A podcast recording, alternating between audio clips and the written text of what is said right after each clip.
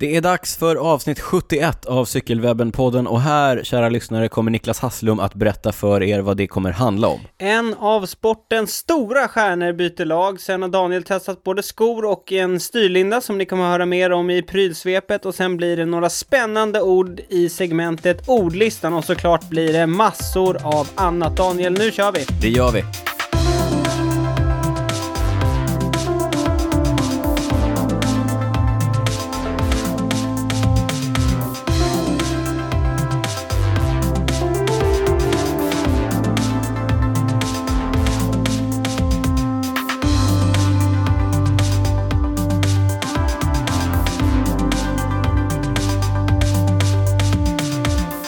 Hej och varmt välkomna till avsnitt 71 av Cykelwebben-podden med mig Daniel Rytz och med på länk ifrån landet, Niklas Hasslum. Varmt välkommen Niklas. Tack Daniel, hur är läget? Det är bra. Jag sitter här i, ensam i Cykelwebben-podden-studion, alltid lite tråkigare. Ja, det, det här är det är ingen höjdare att podda på distans alltså. Nej, men jag tycker ändå att vi brukar få till det helt okej. Ja, och sen som det var, vi hade ju någon eh, utav våra lyssnare som skrev här och, och sa, gav oss lite extra beröm för att vi har så bra ljud och det där, det, det värmer tycker jag. Ja, men jinxa inte det nu. Nej, det är sant, det är sant. Jag, jag tar tillbaka det jag sa. Jag tar tillbaka Ja, det. bra.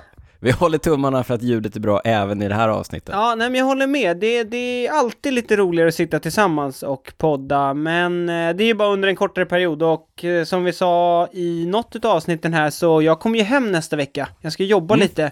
Eh, så då har vi tänkt både beta av ett vanligt avsnitt men också en bonus. Och Ja. framför allt ska vi cykla tillsammans.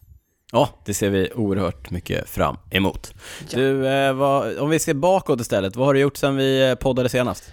Nej men jag har, jag har ju gått på lite halvsemester, eller jag jobbar eh, från landet. Så rent träningsmässigt så, så är det så för mig sen jag fick barn, Ja, att jag tänker alltid att så här, när vi kommer upp på landet och det blir semester, oj oj oj vad jag ska träna.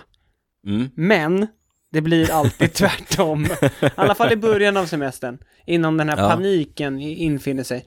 När du Så- tänker att snart tillbaka i stan, snart måste jag cykla med Daniel, han kör sina 20 timmars veckor, det här kommer bli tufft. Precis så, och så känner jag så här, Ja. shit nu måste jag komma i form, nu måste jag komma i form. Nej men så att den här, det har varit ganska lugnt för mig. Eh, vi cyklade ju en del innan jag drog. Eh, då körde vi de här morgonpassen i Stockholm, så då kändes det som att formen var på uppgång. Men nu har det mest, eh, ja, det har blivit några få pass här. Men eh, ja, jag försöker hålla formen flytande. Det är taktiken nu. Du är ju lättränad, så det är, Ja. jag, jag, jag är inte Ja, orolig för det. det. Hur går det själv? Nej.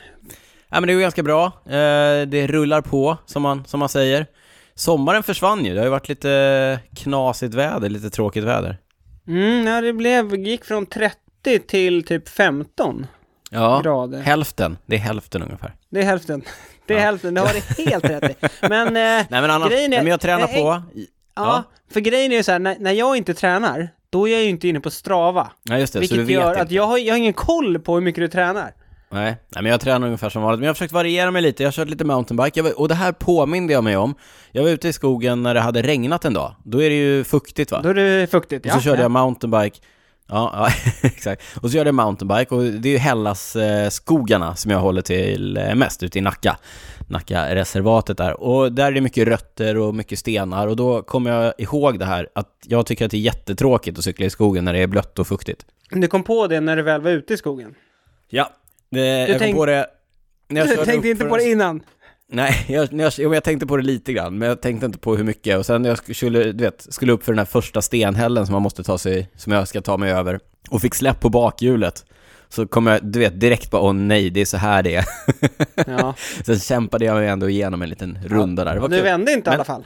Nej, nej, nej, nej, nej, nej. Bra. Eh, sen har jag försökt variera mig lite grann. Jag har plockat fram lite gamla cyklar som jag har ståendes. En, Mm. eh, en, en i aluminium, Okej, ja. Ja, och körde ett eh, morgonpass på den. Det gick alldeles utmärkt, trots, hör nu, hör och häpna nu Niklas, det här kommer vi återkomma till när vi pratar om eh, lyssnarfrågor. Den, är, den har 10 delat, alltså bara 20 växlar, Sjukt. helt sjukt. Inte nog med det, de är mekaniska, Sjukt. sjukt. De är också italienska. Sjukt. Ja, ni hör, det är ju helt Det är sjukt. kampa Det alltså. gick jätte... Ja, det är kampa. Det gick jättebra. Jag eh, satt med, inga, utan större, utan större problem. Nej, det var ju- Tog du dina förningar eller? Ja, jag tog några förningar, tog några förningar. Ja. Men Sen eh, igår så skulle jag bara köra ett litet eh, återhämtningspass tänkte jag. Då plockade jag fram min stålräser. Du vet att jag har en stålräser Ja. också. Ja, den är från tidigt 90-tal, så den är ju nästan 30 år gammal. Men jag har ju uppgraderat den också med italienska växlar som också är 10 delade. Så, och så. Men där märks det ändå rätt stor skillnad. Den är, Ja, det ju, det. den är ju betydligt tyngre. Ja, Det gick eh, knappt framåt när jag körde på den. det kanske inte bara var cykeln. Nej, jag var lite sliten också. Okej, ja. Jag var jättesliten. ja. Ja. men det låter ändå som Så att du, eh, du håller dig mer än flytande. Du tar Ja, dig men jag framåt. håller igång. Jag tar mig framåt. Det är, men formen, om Mm, den är uppåtgående eller inte, det har jag ingen aning om. Vi får se. Det, börjar, det börjar komma tävlingar nu. Är det dags för dig snart att göra ja, debut för i år? kanske. Det kan, det kan bli tävlingsdebut samma dag som vi släpper podden. Det gör vi på tisdag. Vi får se. Vi håller det, som du sa, lite flytande. Ja, Hör du Niklas, när vi inte pratar träning, eh, vår egen träning här i podden, när vi inte sitter här i studion eller på landet, då vet ni lyssnare att ni hittar oss på att cykelwebben på alla sociala kanaler man kan eh, tänka sig. Vi är inte på TikTok än va? Eller Snap, det är vi inte. nej, Men inte än, eh, inte på än. eh, sociala medier för äldre, för äldre personer. Instagram, Facebook, Twitter, där hittar ni oss under att cykelwebben. Niklas kan ni följa på Instagram, där heter han Niklas Hasslum.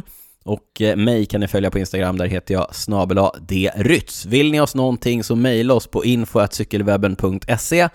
Vill ni läsa mer om sånt som vi pratar om i avsnittet, gå in på cykelwebben.se och så brukar Niklas skriva ett litet inlägg där vi lägger upp bilder och filmklipp och annat som vi pratar om i avsnittet. Niklas, eh, vill du tillägga någonting?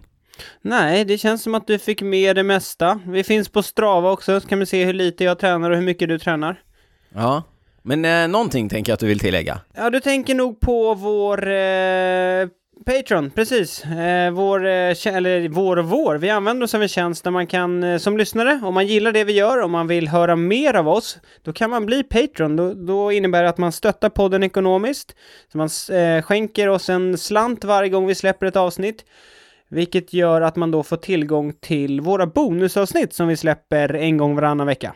Det kanske ändå är det viktigaste med att bli eh, Patreon, eh, nämligen att man får tillgång till bonusavsnitten som av våra, några av våra Patrons eh, faktiskt hävdar är ännu bättre än de ordinarie avsnitten. Så är det. Eh, och de är lite annorlunda än de vanliga. De är lite kortare, men vi brukar inte gå lika mycket på manus i dem, så de... Ja, det är lite Vi mer... freestylar Vi lite. freestylar lite mer och vi brukar ha lite, vi brukar ha ett eller två ämnen, så vi, det blir lite av, eh, vad ska man säga, en slags djupdykning. Ännu nördigare kanske.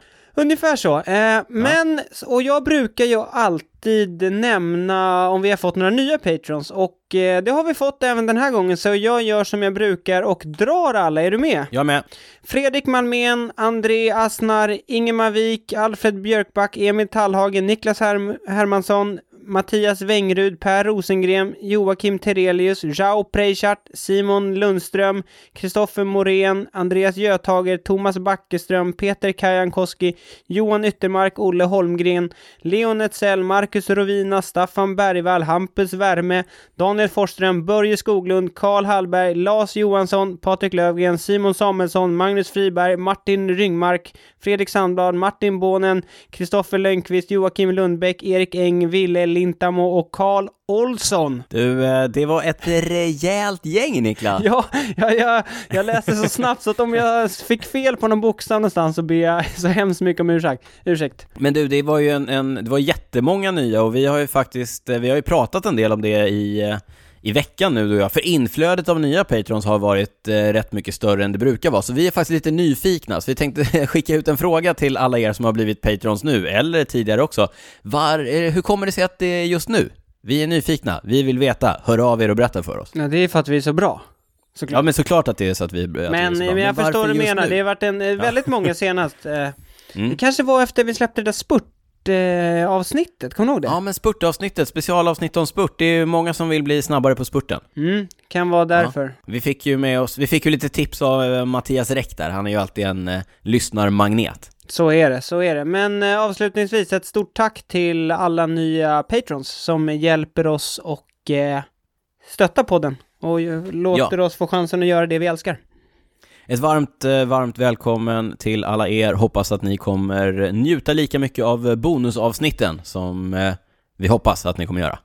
Japp, Daniel, vi går in i vad som har hänt sen sist och i veckan här så släppte vi faktiskt ett, en extra podd och det är inte ofta. Nej, det är inte ofta. Det, då ska det till något speciellt och här hände någonting väldigt speciellt, nämligen att en av de stora stjärnorna i sporten, Christopher Froome, som har kört i Team Sky och Team Ineos de senaste åren. Eh, bomben var ju att han inte får förlängt kontrakt och istället eh, 2021 kommer att återfinnas i mitt absoluta favoritstall. Israel Startup Nation. Ja, eh, och vi har som sagt, det här, den här extra podden den finns på vår Patreon-sida. Men... Patreon, förlåt, patreon.com snedstreck cykelwebbenpodden. Precis. Till, här... Tillgängligt för alla. Alltså Exakt, alltså väldigt, en... väldigt eh, viktigt att nämna att, ja. att, det är tillgängligt för alla även om det ligger på Patreon. Så det behöver inte vara Patreon till podden för att få lyssna på det. Eh, men, eh, men har... man kan ju säga att det hade ju lite av en sån bonuskaraktär, för vi nördar ju in på ett och samma ämne, så därför ville vi inte riktigt lägga den i den vanliga feeden, för vi vet att alla kanske inte vill lyssna på oss när vi spekulerar om Chris Frooms eh, framtid i 35 minuter i den vanliga feeden. Nej, precis. Så kan det vara. Så kan det vara. Men nu, nu har det gått några dagar här. Det här hände väl i torsdags. Eh, har det kommit till några nya insikter, eh, för, förutom de du eh, nämnde i podden, i extra podden där? Nej men en sak som jag, som jag har tänkt på, som jag inte vet om jag nämnde i podden, det var att jag tror att en av anledningarna till att Israel Startup Nation var en bra destination för Froome, det är att det laget är lite mer som ett eh, oskrivet eh, ark. Mm -hmm. De har liksom, de har ingen riktning och de har inga riktiga stora stjärnor. De, vet, de har ingen riktig identitet, de är inte ett klassikerlag, de har ingen för de stora etapploppen och så vidare, utan det finns en möjlighet att bygga någonting från grunden och bestämma en riktning och därför är det ju, alltså när man tar in en stjärna som Chris Froome, då är den riktningen ganska tydlig och då, är det, då vet vi att det är den typen av lag de kommer att bygga. Ja, ja men det, det ligger något i det du säger. Eh, och eh, det jag tänkte, vi, vi snuddade vid det i podden också, men, men och det är samma sak som lite av det du nämner här nu, att nu kommer de förmodligen gå mot att bli ett lag som byggs eh, till stor del runt Chris Froome som ska försöka vinna Tour de France igen. Eh, och då blir det intressant vad de också kommer värva, för att jag är helt säker på att Chris Froome har ju fått garantier på att de kommer stärka upp, liksom, så att han eh, kan göra en ordentlig, eh, liksom, en ordentlig, ta sikte på att vinna en tour igen och då behöver man ju bra hjälpryttare. Så att där kommer vi, där kan man hålla utkik att det kommer värvas ännu mer. Har du hört några rykten? Jag har hört eh, typ ett om en cyklist som de har ryckt dig. Har du hört någonting? Eh, nej, jag tror, jag antar att du menar Richie Port. Ja, exakt. Men det har jag också läst. Men eh, vi får väl se. Jag har inte hört några, några övriga. Jag, jag nämnde ju det i och för sig i podden att eh, Greg van Avermaet, för eftersom CCC är lite, det är lite oklart vad som kommer hända med dem, eftersom de inte har hittat någon ny huvudsponsor. Så där finns det talar ju ändå, fast det talar ju emot det som jag, som jag just sa, därför att om man plockar in Greg van Avermaet, då är det mer en klassiker cyklist. Han behöver andra typer av hjälpryttare. Kanske talar ja. emot att, att man faktiskt eh, rycker i honom. Exakt, så kan det vara. Samtidigt ska sägas att i, eh, det är väldigt få lag som, som gör som Ineos, att de liksom hänger åtta cyklister till att försöka, alltså en kapten och sju hjälpryttare. Ja. I, mång, I många lag så är det ju att de kanske har fyra, fem, eh, eller de har en kapten, sen har de fyra fyra hjälpryttare och sen har de kanske två, tre andra cyklister som är typ i spurt kortare eller då lite mer klassikeråkare som går för, för eh, etapper och så. Men, men eh, som sagt, vill man höra mer om hela Froome-sagan och vad vi tänker och tycker om det så lyssna på extrapodden som finns på vår Patreon-sida. Yes. Du, eh, Froome är ju, han har ju vunnit touren fyra gånger. De, eh, det är naturligtvis en stor satsning mot eh, Tour de France. Och på tal om Tour de France, här kommer en övergång, är du med Niklas? Ja. Virtual Tour de France. Vad vill du att jag ska säga?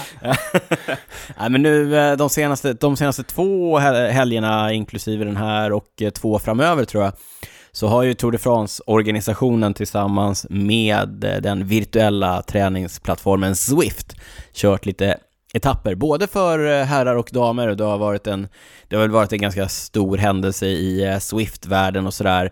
Vi har, fått en, vi har också fått en lyssnarfråga om eh, vad vi tycker om Virtual Tour de France.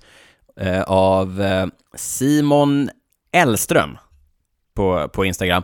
Så, så jag frågar så här, vad, vad tycker du om Virtual Tour de France, Niklas Hasslum? Nu sitter jag som den ena av två i Sveriges största cykelpodcast. Men Ja. jag ska vara helt ärlig. Jag lägger korten på bordet. Jag Ja. har inte följt det här någonting mer än att jag har sett ungefär vilka som har vunnit etapperna. Och, och, Ungefär, ja. Ja, ungefär. Jag vet att eh, det var någon i Drops som vann den första etappen. Jag såg att det är Julian Bernard som kör i Mattias Rex Trek vann en etapp. Mm. Men om jag ska vara helt ärlig så, så eh, jag går inte igång på det här. Och framförallt så verkar det ganska rörigt. Det, man verkar få byta ut cyklisterna och sådär. Så att, nej, det har inte varit någonting för mig. Har, har du bett, jag antar att du kanske har bättre koll?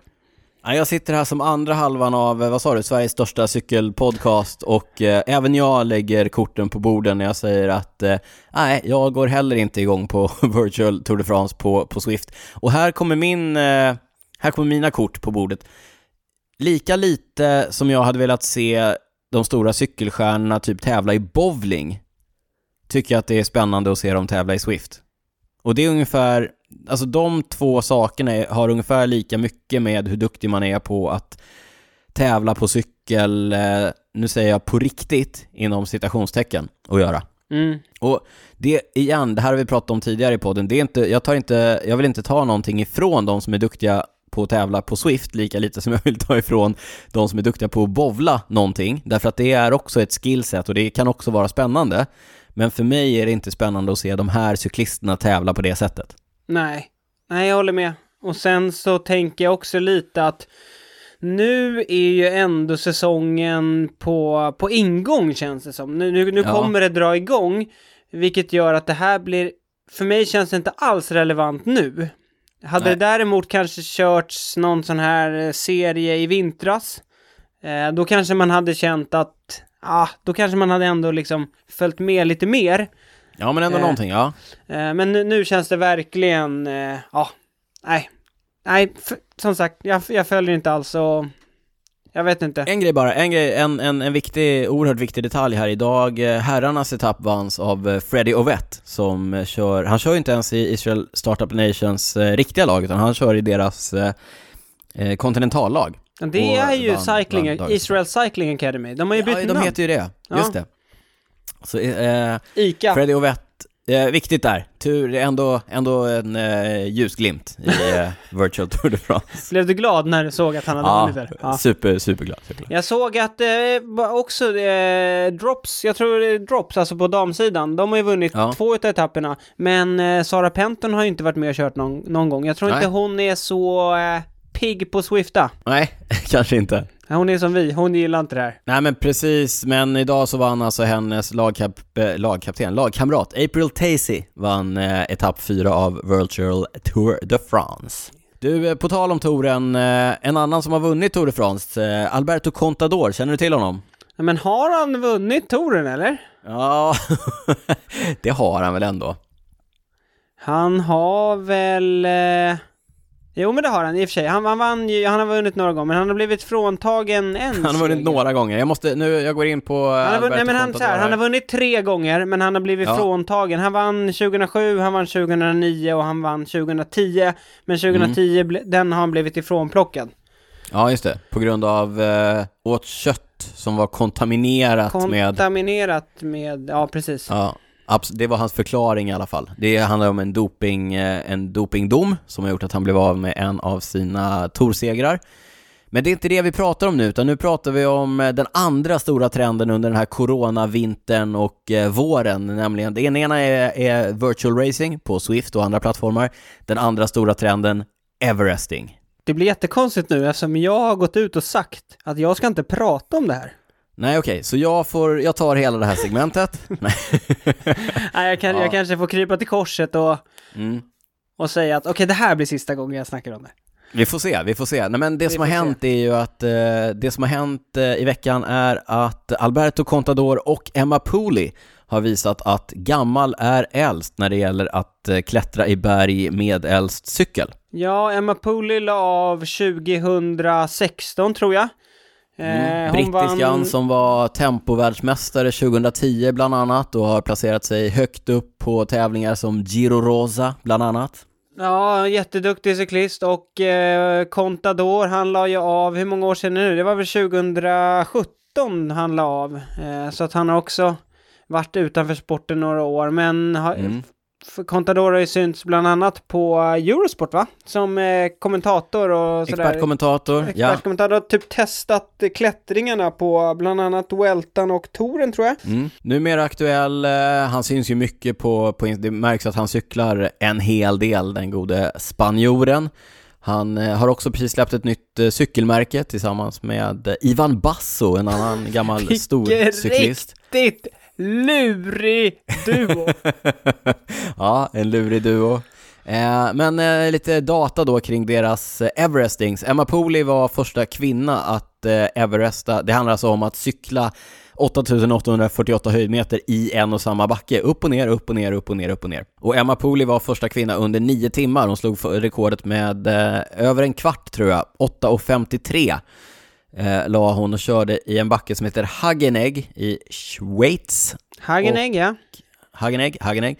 Eh, hon gjorde det lite annorlunda. Hon körde bara 10 runder upp för en eh, stigning som var ganska lång, 6,7 kilometer tror jag. 13% i snittlutning, vilket gjorde att hon bara behövde till ryggalägga 130 kilometer innan hon hade tagit de där 8848 höjdmeterna. Det är rätt imponerande. Ja, visst var det, var det inte du som hade någon, eh, eller du kollade på det där när eh, Lackland Morton var på väg att köra under 160 kilometer. Då tänkte ja, vi att exakt. det var en sån här gräns som var ganska intressant. Men nu är de ju mm. nere mm. på, ja, för jag såg även här, nu går jag lite händelserna i förväg, men jag såg även att Contador, han var ju nere på 136 kilometer. Ja, exakt. Och han körde, men han körde en betydligt kortare sträcka, så att han körde en, en backe i Spanien, som jag inte har framför mig vad den hette nu, men den körde han 76 gånger och den snittade också 13%. Mm. Och det, det hör ni ju att det är ju helt olika strategier, så att Emma Pooley hon körde en lång klättring, det vill säga ganska, alltså lång, lång, lång klättring. Det blir ganska kort återhämtning ändå, för man ska ner för den där, eh, nedförkörningen blir ju inte lika eh, lång som uppförkörningen. Såklart. Nej. Nej, i tid, nej, nej. I tid, men, men det är väldigt mycket, väldigt lång ansträngning och sen lite återhämtning. Medan Contador är ju hård ansträngning, kort återhämtning, hård ansträngning, kort återhämtning. Så det är två helt olika strategier som de har använt sig av. Ja, men eh, det som är häftigt är väl att båda verkar eh, vara i riktigt bra form fortsatt. Och jag har inte så mycket koll på Emma Pooley nu för tiden. Däremot så följer jag Contador på Instagram och han verkar ju verkligen fortsätta träna. Jag för mig att jag såg ganska nyligen ett rykte om att han, jag vet inte om det var på skoj, men om att han kanske klurade på att göra någon slags comeback. Eh, mm. Jag tror inte att, jag vet inte om det var han som skrev det själv, men att det var någon annan. Eh, och ja, med tanke på de här siffrorna och kunna, kunna liksom slå Lackland Mortons rekord ändå, då verkar han ju i alla fall vara på en nivå som som gör att han skulle kunna hävda sig i klungan i alla fall. Ja men hyfsad nivå. Jag följer honom också på Strava, där dyker det ju allt som oftast upp sådana här, du vet, eh, full gas day och så har han kört 20 mil och snittat 40 typ. Oklart om han kör med någon annan eller, eller själv, men det, det går ju undan. Ja, Nej, eh, men som sagt, eh, han... Man undrar ju varför de eh, liksom är ute och kör de här ändå. I, i Contadors fall... Cykla. Jo, absolut, absolut. I Contadors fall känns det lite som att, för han har väl inte lanserat det där cykelmärket än, eller? A-Bikes heter det, nej inte, inte riktigt, men de är ju i startgroparna Ja, så, alltså det, det känns som att, det. det känns som att också det man har sett från den här, det var ganska bra producerade bilder såg det ut som. Så det kanske ja, var en liten väldigt, PR, ja. Liten PR-grej också, att han mm. inför något eventuellt släpp. Men nu, om, nu, nu ja, lämnar men, vi det där, nu lämnar vi det där. Ja men först bara, på tal om, om prylar, så att eh, Contador körde på sin A-bike, han hade också lightweight-hjul, de här tyska handbyggda helkolfiberhjulen. En lite intressant grej med Emma Pooleys setup är att hon är ju rätt kort, jag vet inte exakt hur kort, men jag tror att hon är kanske runt 1,60 någonting. Hon kör ju på en cykel eh, som har 650 eh, hjul, alltså en storlek mindre hjul än vad som mm. är på vanliga eh, racerhojar, för att hon inte riktigt får till sin eh, sittställning annars. Nej. Och under stora delar av sin karriär så tvingades hon ju ändå att köra på cyklar med vad ska man säga, normalstora hjul. Och då blev det ju alltid en liten kompromiss när det handlade om eh, körstil och eh, komfort och lite sådär. Mm. Men nu då när hon inte tvingas köra på sponsorgrejer så kan hon äntligen sitta ordentligt på cykeln. Det är ju ändå, det är ändå kul för ja, verkligen. eh, vi, tar det, vi tar eh, det som en ingång till eh, prylsvepet då kanske? Det tycker jag. Du har varit och testat både skor och en styrlinda. Ja, Låt höra. kontaktpunkter. Kontaktpunkter som vi brukar kalla det. Mm, precis. Ja, men jag fick ju ett par skor skickade till mig ifrån eh, Bontrager, deras eh, toppmodell, Triple X Road heter den. Det är ett par lyxiga dojor i absolut eh, högsta klass. Ett eh, halvt par, du vet du att det är vår referens? Ja, halvt absolut, par väger- absolut. ja. Vem, vem 200 väger liksom två par? Eller liksom Nej, nej, två varför, skor? varför skulle man bry sig? Nej, nej, men en liksom. Jättedumt. 245 gram för en sko i storlek 41, som är det som jag drar. Har du så stora skor? Eller så stora fötter? Jag har så stora skor i alla fall. Om Ja. jag har så stora fötter, det, det Låter man osagt. Ja. Det låter vi osagt. Exakt, de kostar eh, 3500 kronor och eh, precis som de allra flesta skor i den här prisklassen så spänner man fast dem på sina fötter med eh, dubbla boarattar, såna här eh, klickrattar som eh, spänner åt på ett mycket bra sätt. Ja. Hur, eh, hur mycket har du testat? Kan du komma med någon verdict redan nu eller? Nej, Vill- jag tänkte att jag väntar, jag okej, väntar med, ja. Ja, Jag väntar med verdicten för jag har faktiskt bara hunnit köra dem eh, ett enda långpass. Men eh, jag kan ju säga så här, jag plockade dem direkt ur lådan, jag satte på klossarna, vred på dem på mina fötter, körde, jag brukar ju köra med, jag har ju så iläggssulor som är lite eh, efter mina egna fötter. Ja. Men, men, för testningens skull, för objektivitetens skull, så körde jag med de vanliga, il, vanliga innesulorna som Det kommer med. hedrar dig, det hedrar dig. Tack, tack. Ja, men eh, första intrycket är mycket gott. Det är ju en eh, ordentlig kolfibersula som är rejält styv. Eh, boaspännerna eh, trycker inte, spänner inte så att man får ont över någon liksom, specifik punkt sådär på, på fotryggen. Så att första intrycket är mycket, mycket gott. Enda problemet jag hade var att de är ju vita. Det är ju snyggt. Mm. Ja, jag gav mig ut. Det var blå himmel. Tänkte att det här blir perfekt för att testa de här nya snygga vita skorna. Tror du inte att det börjar regna efter en stund? Regngudarna. Nej, de var inte med mig. Men Nej. en till, en till del av omdömet. De var lätta att få rena. Det är bra, det är mycket Ja. bra. Det är otroligt viktigt faktiskt. Det är en, Ja. en, en underskattad grej när det kommer till vita skor. Ja, men absolut, absolut. Så att första intrycket av Bontrager Triple X Road-skorna, mycket gott, bra komfort, eh, direkt ur lådan. Och eh, låt mig återkomma med den eh, final judgment, så att säga, i eh, kanske nästa avsnitt av podden. Jag kommer också lägga Kul, ut, vi lägger ut lite bilder på Instagram, vi lägger ut lite bilder på cykelwebben.se. På tal om eh, Bontrager, i vårt eh, förra avsnitt så pratade vi om deras nya jullinje som de släppte samtidigt som deras moderbolag Trek släppte sin nya Emonda-modell. Och då var jag lite svävande på eh, garantin kring de här djuren. Jag sa Ja, att det du lät som en politiker bitvis. Ja, jag ber om ursäkt för det. Men eh, vi fick ju ett klargörande ifrån eh, Bontrager och eh, är med nu Niklas? Nu kommer, nu kommer Ja, med, jag är förklaringen med, jag är med. Ja. Jag är idel. Garantin, ja det är bra. Garantin heter Carbon Care och innebär att du får en fri reparation, ny fälg eller ett helt nytt hjul inom två år från det att du har köpt hjulen, oavsett vad det är som händer. Och efter det så har du en crash replacement eh, policy som ger dig 20% rabatt om du behöver köpa ett nytt hjul eller en ny fälg. Okej. Tycker jag ändå är generöst, de här två årens eh, liksom fria crash replacement. Det är bra grejer. Ja, verkligen, verkligen. Det, det känns ändå, där ligger de nog i framkant. Mm. Ja, men det, vi ser ju det kommer från många håll, jag sa det förrän, det ger ju mer självförtroende kanske när man ska investera i ett par dyra finhjul. Ja, då är det bara ut och gasa. Jajamän. du, eh, något som inte, ett par nya hjul, det är ju tiotusentals kronor va? Det är dyra grejer, fina grejer, lyxiga grejer. Någonting som kan kännas nästan lika lyxigt, men som är betydligt billigare, vet du vad det är? Nej, Daniel. Kolla i manus, kolla i manuset, du har det framför dig. Du har testat en lyxig styrlinda, är det det du möjligtvis syftar på? Ja men det, det är dit jag är på väg. Du är ju mycket för de lyxiga styrlinjerna. Jag är ju mer för de mer traditionella, lite enklare som man kan hitta för 80 spänn på någon, i någon eh, fyndkorg på den lokala cykelbutiken eller så. Ja, fast nu känns det som att du går mer och mer mot mitt håll och jag fick Ja. några bilder här i veckan på, på Messenger när du har varit framme med din brevvåg och med, liksom vägt olika styrlinder och Ja, det var ja, ganska absolut. intressanta bilder för det skiljer för, eh, bara för en snabb recap där.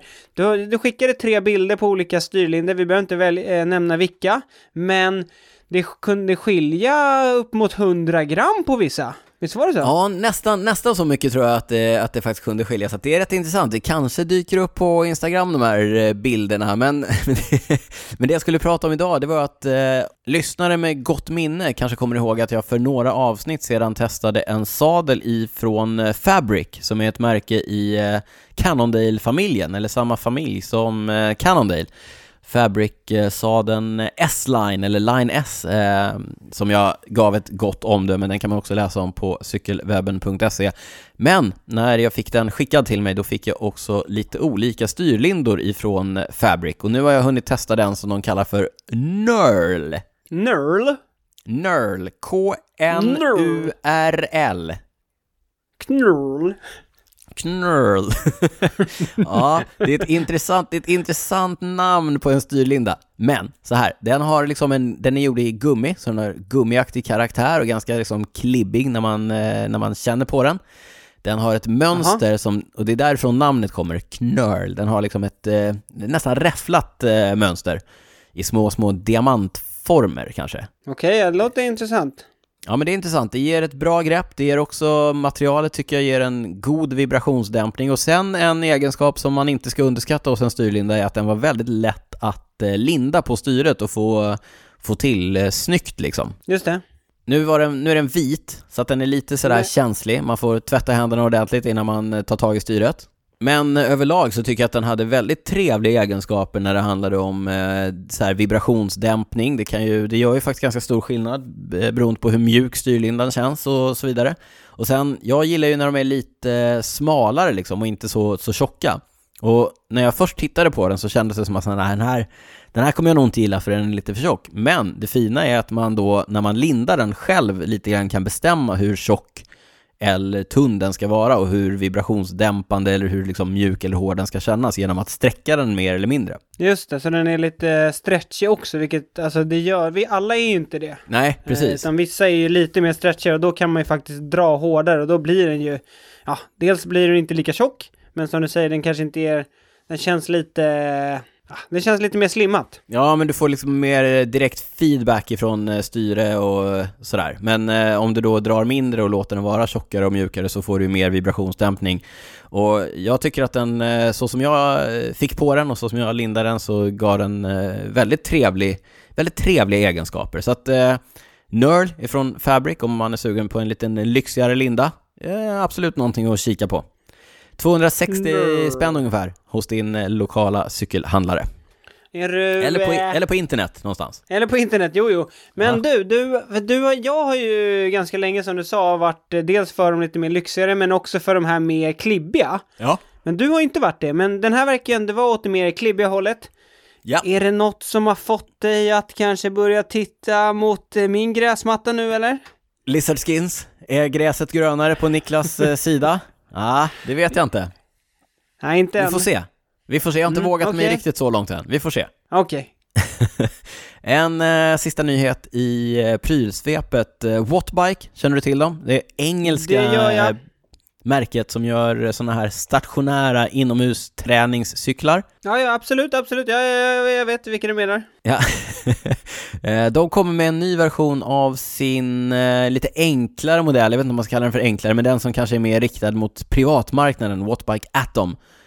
De kommer med en uppdaterad modell som, där den största skillnaden är att motståndet numera är elektromagnetiskt. Jaha, vad innebär det? Ja, rent eh, praktiskt eller för dig som cyklar så kommer det enligt eh, Wattbike själva innebära att när du kopplar upp dig mot eh, till exempel Swift, och det här är en uppdatering som alldeles tydligt är riktad för att göra den mer, ska man säga, Swift-kompatibel, så kommer sådana här ändringar i motstånd att kännas mycket, mycket snabbare och mer direkta, så att du kommer få mer tydlig direkt feedback från spelet när du sitter och eh, trampar. Okej, men det känns ju som en, som en uppgradering eh, helt i tiden faktiskt. Med tanke Ja, på att verkligen. alla kör sådana här. Ja, verkligen. Och jag tror att tanken är att du ska bli mer competitive, alltså mer eh, skarpare i tävlingsläget när du tävlar med din eh, Atom. De har också uppdaterat eh, effektmätaren så att den är nu nere på 1% noggrannhet, eller uppe i 1% noggrannhet. Hela cykeln är också rätt stadig, den väger så 40 kilo. Så att du kan eh, ja, ta i mycket, spurta ordentligt.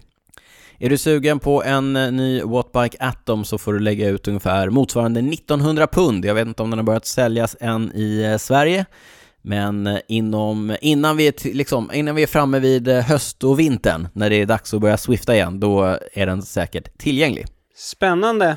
Eh, fortsätter komma sådana här eh, nya inneträningscyklar på marknaden. Ja. Men Ja, kan även det att det känns, ju, det som- känns ju avlägset nu att snacka om det här alltså. Ja, du tycker det. För Ja. andra så är det... för andra är det ständigt aktuellt, Det Niklas. är det, det är det. Mm. Okej Daniel, stort tack för veckans prylsvep. Du gjorde det bra än en gång. Ja, men tack, tack för att du stod ut med det än en gång. Ja, jag har inte så mycket val. Eh, Nej. Jag vet, att det är, jag vet att det är ett väldigt uppskattat segment hos lyssnarna. Nästan lika uppskattat som eh, det ganska så nya segmentet Ordlistan, där vi förklarar olika, olika ord inom, inom cykelvärlden. Ja, men precis. Det har ju blivit en succé, lyssnarsuccé på, på bara några avsnitt. Det har blivit en eh, fast punkt att eh, hålla sig i här i podden. Ja, och eh, vilka är vi då inte tar med i ordlistan? Så här kommer ett gäng eh, ord till Ja. i eh, det 71 avsnittet av Cykelwebben-podden. Och du, idag är det några franska ord som Ja, jag jag, vet att, att du du, ett du litet- brukar... Du, Du ja, du litet brukar gilla när jag, ska, eh, när jag ska köra mina uttal, så det här, jag får göra mitt allra, allra bästa nu. Gör det. är du redo? Jag är redo. Det första ordet är grimpeur. Ja, det klarar du bra tyckte jag. Grimpeur. Ja, det franska ordet för eh, klättrare. Ja, exakt. En eh, cyklist som är duktig uppför. Trivs i bergen. Ja, eh, finns ju olika typer av cyklister som är duktiga uppför. Eh, vi har eh, de fjäderlätta eh, klättrarna, lite och de eh, kanske colombianerna liksom. De Och sen finns klassiska de mer... bergsjätterna. Ja, precis. Sådana där eh, öppen... Eh, Öppen tröja. Kör eh, ryckigt liksom. Ja, Attackerar, slår av och håller på. Vi vigselringen i en kedja runt halsen. Ja, det är så mäktigt, det är så mäktigt. Men sen har vi också de här som kör lite mer kalkylerande, Bradley Wiggins, Miguel Indurain, Tom Dumoulin. Ja, Eh, men de, de går också under, under eh, Grimpeur eh, eh, ordet. ja. Stämpeln, de har grimpeur-stämpeln på sig. Ja, Precis, eh, det nästa ord, det är också ett franskt ord. Ja, låt höra. Som eh, vi uttalar puncher. puncheur. Ja. Där, eh, där är det också, också cyklister som är duktiga uppför, men kanske i betydligt kortare backar. Ja, exakt. Lite mer, eh, liksom, ingen eh, liksom regelrätt bergsget, utan, utan åkstark men har en duktig, liksom, kick kan man ju säga. Kanske en bra finish i små grupper. Ja, eh, Kanske cyklister ta- som eh, Philippe Gilbert, Greg van Avermaet. Ja, eh, Julian Alaphilippe Ja. skulle man också kunna ta med, även om han är duktig på längre klättringar också. Men, men ni fattar ändå liksom eh, vilka typer av cyklister som finns med. Det, är- det är cyklister som attackerar uppför backar som eh, Murfan Gerardsbergen kanske. Ja, de här, men framförallt de här uh, Ardennes-klassikerna känns som eh, typiska sådana, liksom terräng för sådana cyklister. Ja, verkligen. Eh, dagens tredje ord, och det här, är, det här är vi inte helt eniga, eller vi är väl inte helt, eh, känner oss helt säkra på vad det faktiskt betyder. Men det är ju barodör. Ja, Barodeur. finns ju en cykelklubb i Sverige som heter Barodeur FC. FC då för Ja. Feats Club, som är det flamländska ordet för cykelklubb. Ja, så att eh, om vi nu i vår förklaring här, om, om någon i den här barodörklubben inte tycker att det här känns som en liksom, det här är inte det, här är inte det vi står för, Nej. då får ni, gärna, får ni gärna höra av er. Varmt välkomna att höra av er. Ja, eh, men vad, vad jag har förstått, det är att en barodör är, det är egentligen ingen typ av, alltså, det är ingen liksom stil på åkningen. Eh, liksom, in, den, det, är en, det är en cyklist som kan vara duktig uppför, men också kan vara duktig i eh, liksom eh, på lite plattare etapper. Men en barodör är mer en cyklist som liksom eh, opportunist, som, som ser chanserna, som attackerar, som liksom... Jag vill ju också ha Eh. in det här begreppet slugger. Du vill ha in det här? Ja, men lite slugg, du vet lite så här. Man tar, man tar chansen när man får man kanske inte är, det kanske inte är stilfullt alltid, men det, är, det körs hårt liksom. Ja, okej, ja, men, ja men det köper jag. Och jag läste någonstans en, en liten förklaring att så här, det är den här som eh, cyklisten som attackerar med tre kilometer kvar liksom, trots att det liksom, ah, folk kanske inte vågar, men den här Det är, dö- cyklisten det, är gör döds, det. det är dödsdömt liksom, men man chansar. Ja, men man chansar och man ser ändå att så här, det finns en liten, liten chans. Ja. Eh, Är jag en Så- barodör? Är jag en? Kanske. Kanske. ah, det känns för kalkylerande. Du Ja, kollar okej. för mycket på dina wattsiffror. Ja, det, det kan vara sant, det kan vara sant. Eh, och sen, men, men, men en cyklist, eller så här, det här ordet kan jag, jag känner att det lite går ihop med, med eh, det sista franska ordet från idag, och det är ju rouleur. Rouleur, precis som det brittiska, lite pretentiösa cykelmagasinet. Ja, exakt. Ja. Och vad är en eh, rouleur, Daniel? Ja, det är en åkstark cyklist som är riktigt, riktigt bra på platten. En cyklist som man vill ha med sig i en utbrytning, eller en cyklist som man vill ha i sitt lag för att köra in, hämta in en utbrytning. Precis, och det är väl ganska många utav eh, klassikercyklisterna, i alla fall för de platta liksom vårklassikerna är ju rouleur. Jag tänker, en som jag direkt kommer att tänka på, det är ju Ian Stannard till exempel. Ja, verkligen. Men jag tänker också att eh, en, en rullör ofta har under liksom, eh, under, eh, ja, alltså under, under vårklassikerna så är de duktiga över kullersten och sådär. Men på Grand Tours och så här, så förutom att kanske gå för någon egen utbrytning så är de alltid liksom uppskattade hjälpryttare på platten. Jag tänker Driss de Venins, jag tänker Julian Fermot. Ja, verkligen. Eh, åkstarka cyklister som liksom gör grovjobbet men som är, ja, har ett otroligt slätdrag. Ja, slätdrag, bra ord, skriv upp det. Slätdrag? Skriv upp Vad det. bra, det Det skriver vi. vi upp. Ja, ja, ja. Jag skriver upp ordet slätdrag medan du tar eh, de två sista orden. Gregario, här får du, eh, här får du hjälpa mig. Ja, gregario, det är ju, jag tror att det kommer från, det är det, är det ital- italienska ordet för eh, hjälpryttare eller domestik. Ja, Alltså det franska ordet för, för hjälpryttare. Eh, så en, en liksom hårt arbetande hjälpryttare. ja men perfekt Niklas, vilken grej. Nu har ju eh, till och med jag har fått lära mig någonting nytt här idag. det, det är inte Nej, varje inte dag. varje dag. Men du, ja, jag har tagit med ett sista ord idag ja, jag som ser jag det. vet att du kommer gilla. ja, Och det, det här är ett ord som jag, jag tror vi har nämnt vad det betyder, men det är ett ord som nämns så ofta i podden så att vi, Ja, vi fak- pratar ju ofta om det, faktiskt, ja. precis, så det faktiskt kräver faktiskt en, en ordentlig förklaring och ordet i fråga är ju gnet. ja, gubbgnet. Man drar ofta ihop det med annat va? Gneta, gubbgneta, gn- ja. Egentligen är det ju så här, man, det är att gå ut och köra lite för hårt, lite för länge. Ja, men, men också så här, samtidigt, jag håller med det du säger, samtidigt är det också att så här, inte köra, det är liksom inte intervall, intervallhårt, Nej. utan det är samtidigt så här, man kan hålla det ganska länge. Ja, men är, alltså du kan i princip kan du hålla det ett helt eh, distanspass. Ja, ja men, absolut. men det är ju inte distansintensitet. Nej, nej, nej, absolut inte, utan det här är ju, det är ju liksom, om du tänker att, eh, för att förklara så kan man säga att man har på, på den ena sidan har man distansfart, alltså snackfart, Mm. Och på den andra sidan så har man liksom intervallfart när man verkligen kör stenhårt. Då är ju någon gnet någonstans mitt emellan liksom, att man man går ut och bara eh, liksom gnetar och kör hårt och trycker på men Man ja, kan väl säga under, en, det- under en längre tid. Det är intensiteten man håller om man vill ha en hög snitthastighet över längre tid.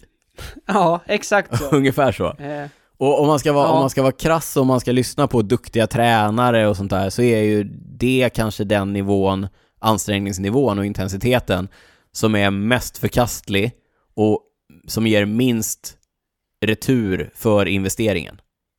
Ja, men alltså ja, det där ställer jag mig tveksam till ändå. jag tror, jag, också, tror det jag mycket, också, för alltså. att så mycket, så mycket som jag har gnetat senaste åren och så stark som jag är nu alltså. Ja, Precis, precis. Nej men det är, sen är det ju, alltså, ja men så här, det kombinationen av att cykla länge, ja, alltså det är kul att köra distans, ja. Alltså det är kul att vara ute länge på cykeln, Ja. men det är också kul att köra fort, Ja. vilket gör att gnet är jäkligt roligt. Man- man- Där, man därom, liksom- därom råder delade meningar kan jag säga.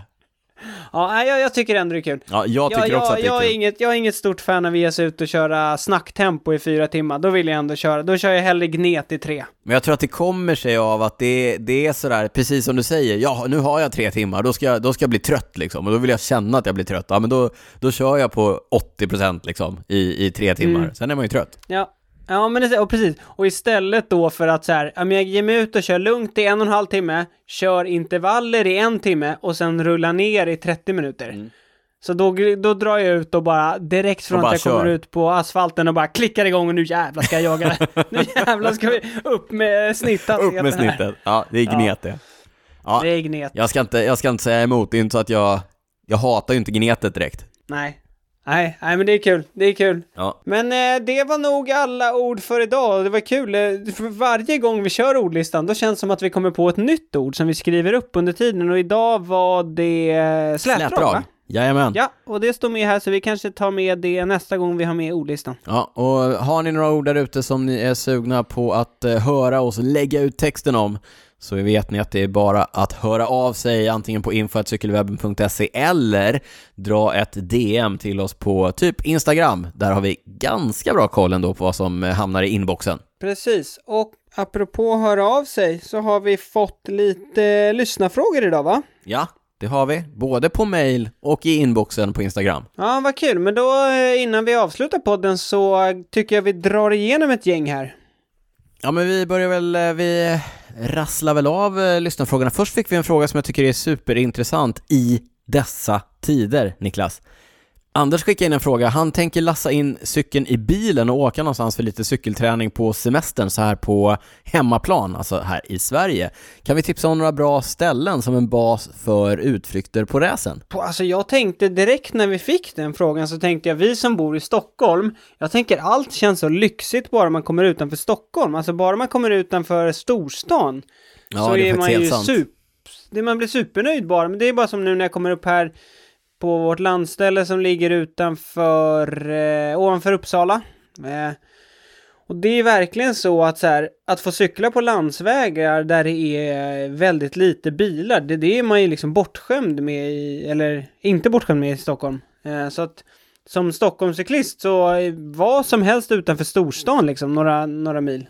Ja, men egentligen det jag ska säga är väl egentligen att all typ av variation är ju trevlig och som du säger, bara man håller sig borta ifrån de större storstadsregionerna och även bara en liten bit utanför de större städerna finns det ju gott om fina småvägar. Jag är uppvuxen utanför Borås. Där finns det jättemycket fin cykling har jag fått upptäcka nu på när jag är hemma och hälsar på mina föräldrar till exempel. Men sen så Mm ett tips är ju neråt Hallandsåsen, Båstad och, och, och däromkring, där SM har gått de senaste åren. Där finns ju fantastiskt mycket fin cykling och som också är eh, rejält utmanande om man ska ta sig över den där åsen eh, några gånger. Det kan man göra på massor av olika ställen, massor av olika vägar. Så att det skulle man ju kunna skicka med som ett eh, tips. Ja, jag håller med. Eh, för att skicka med till tips så har vi varit och kört det här 13 Hills ett gäng gånger i eh, Jönköping. Apropå utmanande terräng så finns det ju massor av branta backar att köra där. Det finns också ganska mycket fina grusvägar som vi har testat på. Begagnat oss av på våra racercyklar. Ja, eh, så där är det väldigt schysst cykling också tycker jag. Mm. Ett, eh, ett annat tips apropå att eh, lassa in cykeln i bilen. Jag vet inte om jag har nämnt det någon gång i podden, men eh, ett tips när man, om man ska lägga cykeln i bilen, det är ju att ha bakväxeln uppåt. Ja, där, det knöt du in snyggt Niklas.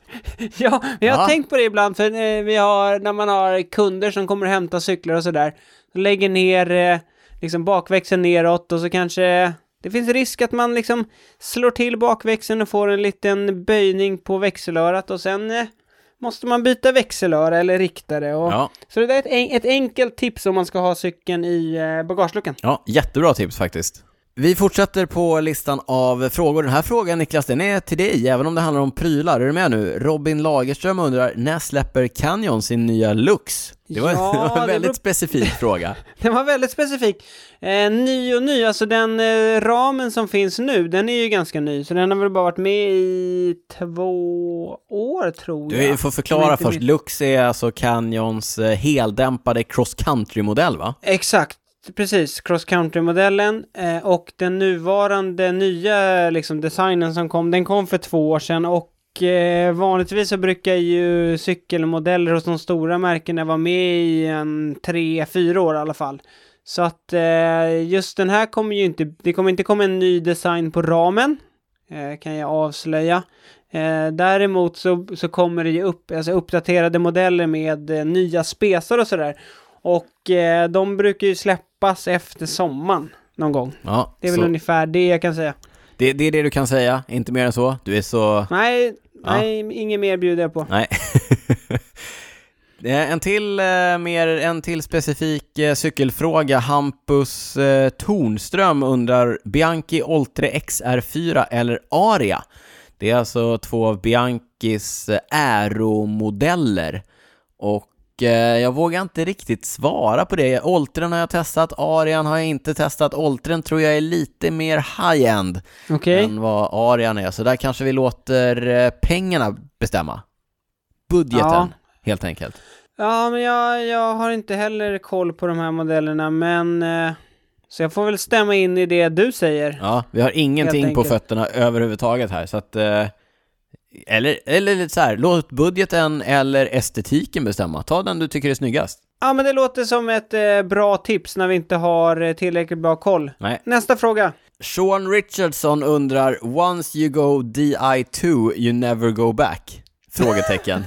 det vill säga, har du väl börjat köra elektroniska växlar, kommer du då aldrig gå tillbaka till mekaniska? Vad säger, vad, vad säger du Niklas? Eh, jag, jag skulle väl säga, det ligger, en, det ligger ganska mycket i det han säger. Ja, För, för det är ju, både du och jag har ju under den här poddens historia pratat oss väldigt varma om Shimano och D2, det vill säga deras elektroniska växelsystem som finns både för på Ultegra-nivå men även på Durace-nivå. ja, Eh, och jag skulle nog säga så här, om jag bara skulle ha en cykel ja, Eh, då hade jag nog, om jag liksom, eftersom jag nu har kört med D2 så skulle jag nog aldrig liksom byta ut den till mekaniska. Men däremot, både du och, du och jag har ju flera cyklar ja, och det är ju inte liksom på min, eh, eller båda vi, man kan ju säga att vi båda ändå har en sån här nummer ett cykel, mer eller mindre. Som man ändå tycker är den schysstaste och så, och där- på den kör vi D2. Men på de andra cyklarna, då, då kan man ju absolut köra mekaniskt. Och det, alltså, man ska ju säga så här, det, det funkar ju superbra med mekaniskt fortfarande. Så att, eh, och det var ju det du var inne på här i början också, att det, det funkar ju klockrent med mekaniskt. Eh, men eh, som sagt, skulle man bara ha en cykel så hade jag nog valt eh, D2 ja, men jag, jag håller med, men samtidigt så vill jag understryka det här, för att det är ju lätt att man pratar om att ah, det ska vara elektroniskt och vi höjer ju hela tiden tröskeln för insteget till cykelsporten och det tycker jag inte om. Och det är så att det går jättebra att cykla fort på med mekaniska växlar också. Fabian Cancellara, den gamla schweizaren, han hade slätdrag och var lite av en rullör, men också en punchör och så vidare. Han eh, vet jag sa när D2 kom, att han inte var liksom, jag är inte imponerad, jag, jag trycker en gång och så växlar den en gång. Ja, Och det gör det mekaniska också. Och så är det ju, Ja. det går, alltså förlåt, jag, jag kom med någon form av försvarstal för mekaniska växlar här. Men som sagt, jag körde ju i veckan en eh, gruppträning på en aluminiumhoj från typ 2010 med mekaniska växlar på från mitten av 00-talet och det gick alldeles utmärkt. Sen är det ju lyxigt såklart att ha eh, elektroniska växlar och fördelarna är att det är i princip underhållsfritt. Har du väl ställt in dem en gång så är de där de är. Med mekaniska så tappar du ju lite funktion i och med att vajrarna blir slitna och så vidare. och det där är ju en grej, alltså det där håller jag helt med om och det är väl egentligen den kanske, alltså om man bortser från att det är ganska lyxigt, Mm. så är det det där, det du nämnde nu, det är ju den stora fördelen att när du väl har ställt in den och liksom när du får den, att om växlarna funkar klockrent, då behöver man i stort sett aldrig justera, Nej. såvida du liksom håller efter så att det inte blir liksom, ja, kassetten och kedja och allt det. Eller du lastar in, lastar in bilen med växeln neråt i bagageluckan. Precis, precis. Men, men ja, i övrigt så, så är det ju, ja, i stort sett underhållsfritt. Och som du brukar nämna, framväxeln funkar ju, det är ju super, det är bara ett litet knapptryck mot att med mekaniska så kan man ibland behöva få ta i lite mer och sådär. Men, men det är ju, ja, det är ju inte samma stora skillnad, utan det är framförallt det att det är underhållsfritt tycker jag. Ja. Den stora nackdelen är ju priset. Jo, jo, absolut, Ja. absolut. Men annars så har man, har man eh, budgeten, har man eh, råd, vill man unna sig så absolut. Men eh, liksom inbilla er inte att det inte går att racea eller cykla fort eller njuta av cyklingen eh, utan elektroniska växlar. Det går jättebra. Ja, och eh, ofta får man höra från kunder så här som står inför valet att så här, ska jag lägga pengarna på att, om vi säger att de kollar på en cykel med, på ungefär Ultegra-nivå. Ja, Ska jag köra Ultegra mekaniskt eller Ultegra D2? Alltså då, ska jag köra Ultegra mekaniskt med ett par riktigt schyssta hjul? Eller ska jag köra D2 fast med lite enklare hjul? Och då tycker jag alltid att man ska gå på, på mekaniskt med schysstare hjul. ja, Tycker jag i alla fall. ja nej, men det, ja, ja. Mm. ja. Jag tänkte mer att så här, nej, köp elektronisk och spara ihop till finare hjul sen. Men det blir samma sak. då, då, då slutar det med att ha båda två. Ja, ja, Men ja. om man måste välja menar jag. Ja, man måste välja. Nej, men då, om man måste med. Välja där och där och då. Det, är alltid en avvägning såklart. Men och det här, det här resonemanget var ju liksom om man inte får göra några uppgraderingar i framtiden. Hemska tanke ändå. Ja, Ja. ja riktigt hemskt. Usch. Usch. Eh, nästa fråga från Mr Simon R. Hur bra funkar Stravas fitness fatigue-mätare eller fitness fatigue-funktion? Då måste man förklara vad det är först. Jag tror att vi har pratat om den eh, tidigare. Det är ju också någonting som bara är tillgängligt om man har Strava Premium. Och Mm, det är det. Ja, i princip så är ju det en, eh, det är en funktion som, det är inte Stravas från början, den kommer ju ifrån, frågan är om det inte är de här gamla klassiska Koggan och eh, Ja, men det kan det nog Hunter vara. Allen. Hunter och Ja, Hunter Allen och Andrew Cogan. precis, som, som uppfann den där som i, i princip så är det en eh, funktion som räknar ut din eh, träningsbelastning under lång tid tillsammans med din träningsbelastning under närtid, kort tid och baserat på det så räknar den ut vilken form du är i och hur trött du är och hur sliten du är och så vidare. Jag tycker att den funkar ganska bra, men jag tycker att den viktar till exempel volym lite väl hårt över intensitet. Men det är ju, det är ju liksom, det är också väldigt individuellt hur man svarar på träning och hur man svarar på belastning. Ja. Tittar du någonting på den där? Eh, men grejen är att jag har ju, det har jag ju snackat om, det, det var ju inte förrän nu när Strava ströp åt snaran för oss som är Ja, som inte var premiumkunder som jag faktiskt började betala för igen. Jag, betalade för några år sedan. Och då har jag för mig att jag kollade ganska mycket på det där. Sen, nu har jag väl kollat lite på det. Men med tanke på att så här, det är lite klurigt när man inte kör effektmätare tycker jag. För då går den ju bara på pulsen och då blir det lite så här. Ah, det är Den lite haltar lite. svårt men Ja, precis och så här. Men, men det man kan säga är väl att man får ju en ganska bra, alltså man ser när den där kurvan stiger, framförallt fitnesskurvan eh, då.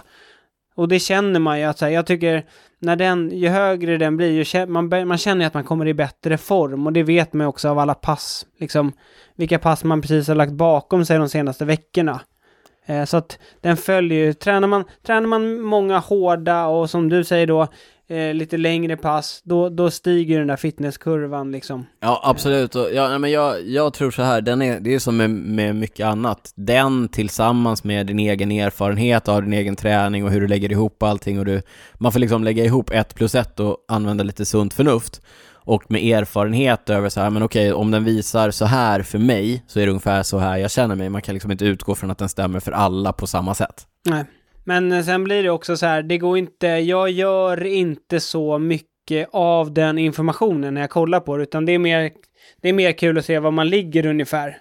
Eh, och som du sa, det här med erfarenhet att, ja, när det kommer till min träning så liksom, det känns som att jag har så bra erfarenhet av att här, jag vet när jag är i form och det känner jag på passen och jag känner, jag, jag vet vad, vad jag har för känsla i kroppen när jag också är sliten. Så att det där blir mer bara så här, man kan kolla på det där och säga så här, ja men det stämmer ungefär ganska bra med, med hur jag känner mig liksom.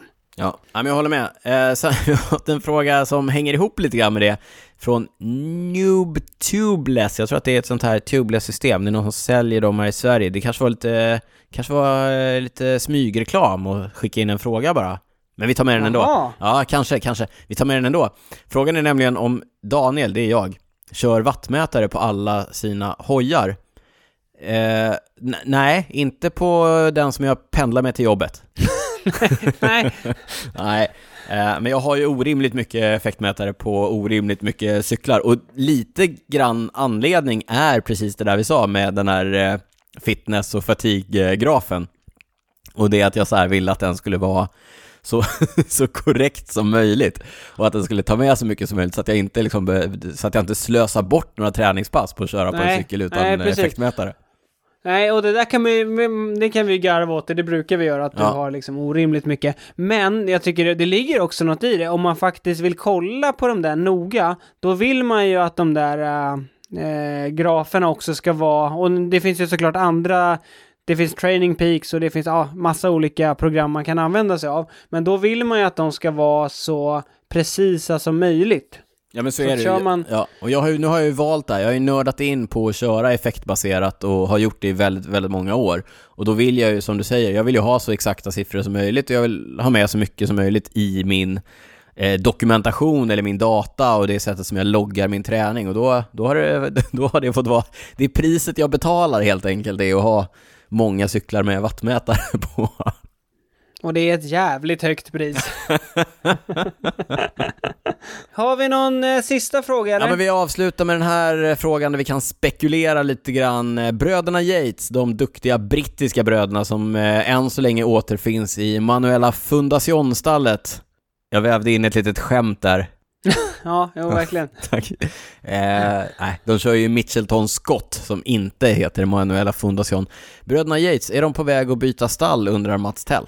Eh, grejen är ju att jag tror båda sitter på utgående kontrakt och eh, sen kan man väl kolla på hela situationen med Mitchelton Scott nu som du nämnde här. De var inblandade i ett, eh, ja, en ordentlig soppa här. Det var snack om att de skulle byta namn och de skulle få nya ägare och sådär. Men så att det är väl ganska ovisst eh, att liksom kring deras framtid.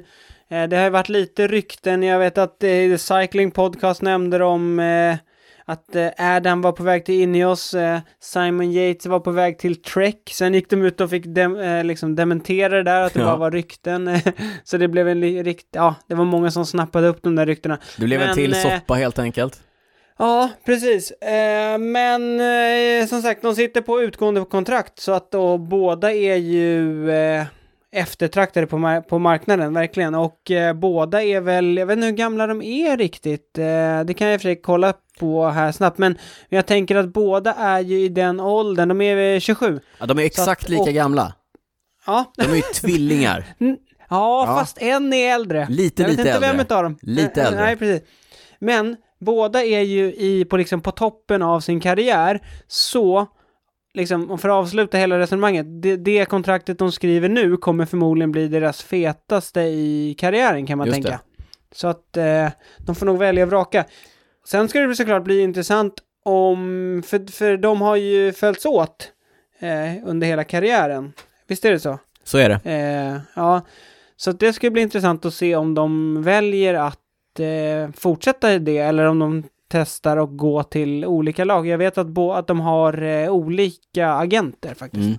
En, eh, en spekulation som har varit i luften är ju det här med, eh, och det pratar vi om i vårt eh, extra avsnitt. jag pushar lite grann för det när vi pratar om Frooms övergång från Ineos till Israel Startup Nation. Då pratar vi om det här med att Ineos, tidigare Team Sky, har ju haft en tydlig brittisk profil fram tills nu egentligen och om de vill behålla den då är ju tvillingarna Yates ett, eh, två bra kort att eh, satsa på. Så att eh, om man är sugen på det så är nog det en rimlig destination. Men eh, som sagt, det har vi ju ingen aning om om det är det de faktiskt vill i Ineos. Så att eh, vi håller det väldigt öppet vart de skulle kunna tänkas vara på väg.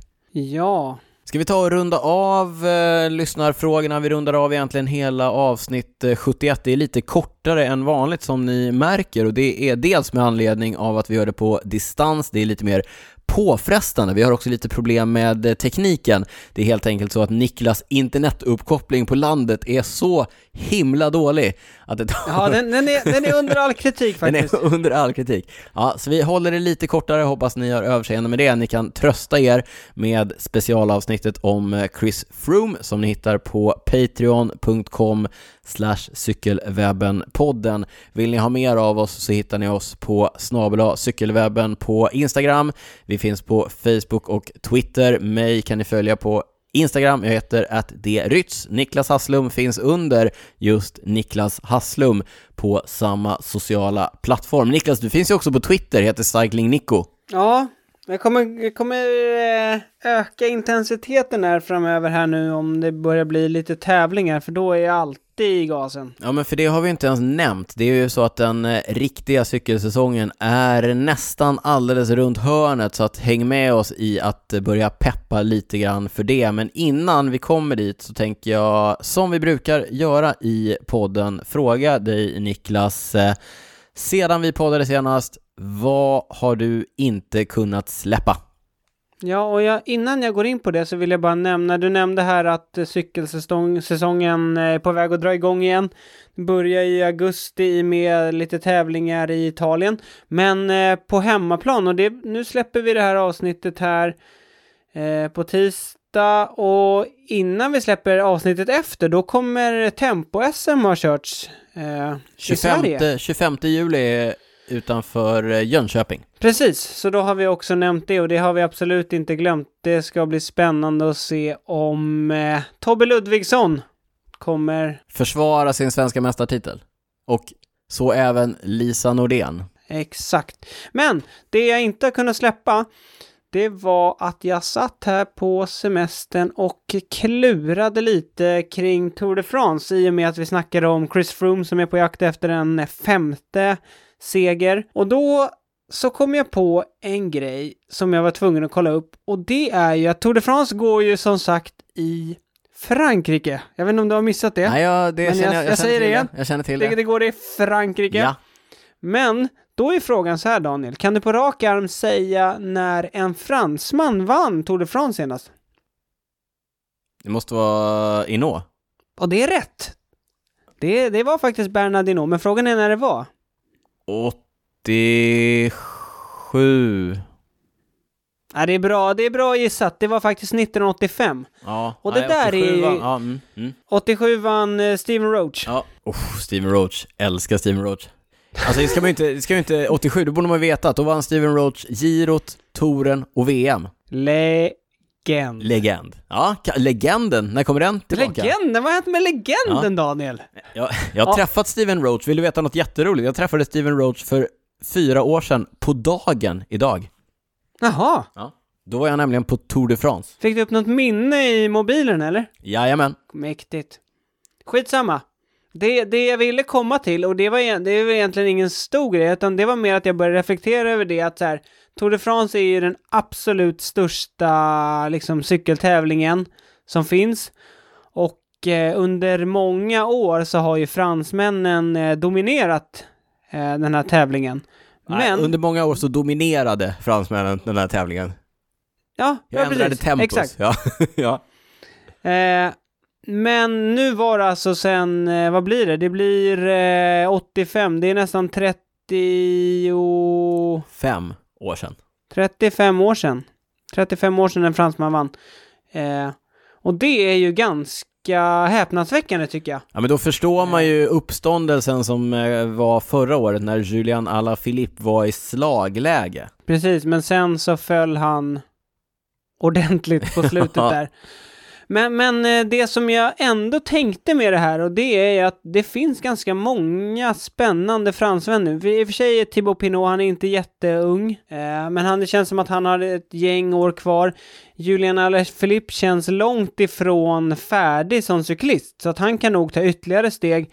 Och sen finns ju bland annat Thibaut Pinots hjälpryttare David Gody som också är en riktigt eh, fin klättrare. Så att det känns som att fransmännen på Alltså, något sätt har de... Hoppar du Ja. över, hoppade du över Romain Bardet nu Niklas? Ja men eh, Roman Bardet, det- och det här var sjukaste när jag tänkte på med Roman Bardet, men han är ju bara 29, men det känns Ja. som att han har varit med hur länge som helst. Du tänker men, att han är over the, over the hill? Det gör jag. Ja. Det gör jag. Jag tänker att eh, framtiden... Eh, han har haft sina bästa år tror jag. Det apropå rykten, Ja. apropå rykten. Jag tror han ska faktiskt lämna Agile du Sala Mondial. Det oj, oj, ryktas oj. om det.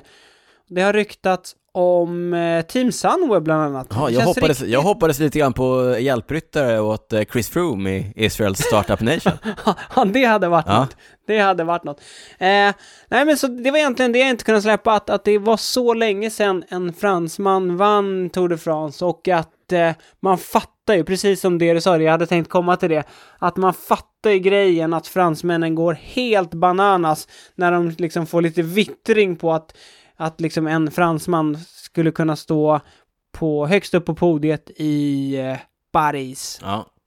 Vi får se om det händer i år eller eh, om de får vänta ännu lite längre. Vad tror du? Ja, jag tror att det blir svårt i år igen. Eh, Det känns som att... eh, Ja, nej men det var ju som jag nämnde här fram, för något avsnitt sedan när jag drog alla, alla cyklister som skulle vara med. Det är så bra startfält. Eh, och eh, jag håller väl fortfarande Egan Bernal som den eh, stora favoriten. Framförallt med det laget han har i, i, i eh, liksom, som, ja, bakom sig. Ja, ja jag håller med. Det blir... Eh, det är svårt att tippa vem, men jag tror inte att det blir en fransk segrare i år på Tour de France. Nej, och, och jag, hänger kvar här. Jag vill inte Ja, jag släppa min, det. vad jag inte Jag kunnat släppa. Men, men och det är som jag läst lite olika sportdirektörer som har varit ute nu och så här. Innan så touren ligger ju i juli, vilk, vilket innebär att man har ungefär en, ja, sex, i alla fall sex eh, månader av tävlingar inför touren. Och nu, men nu blir det ju, allt det där sätts ju liksom, eh, ja, ur spel. Alltså nu är det ju liksom, ingen tävlar nu, och sen är det ju tävlingar i augusti, och sen är det ju touren.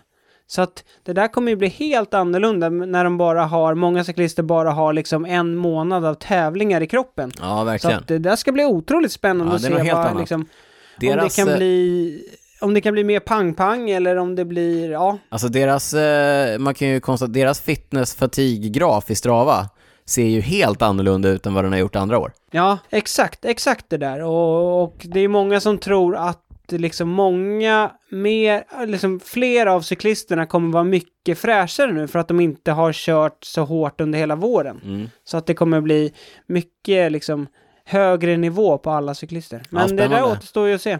Ja, Mattias Räck Vad- kommer ha fullt upp med att analysera diverse träningsupplägg och se vad man kan få ut av det framöver här.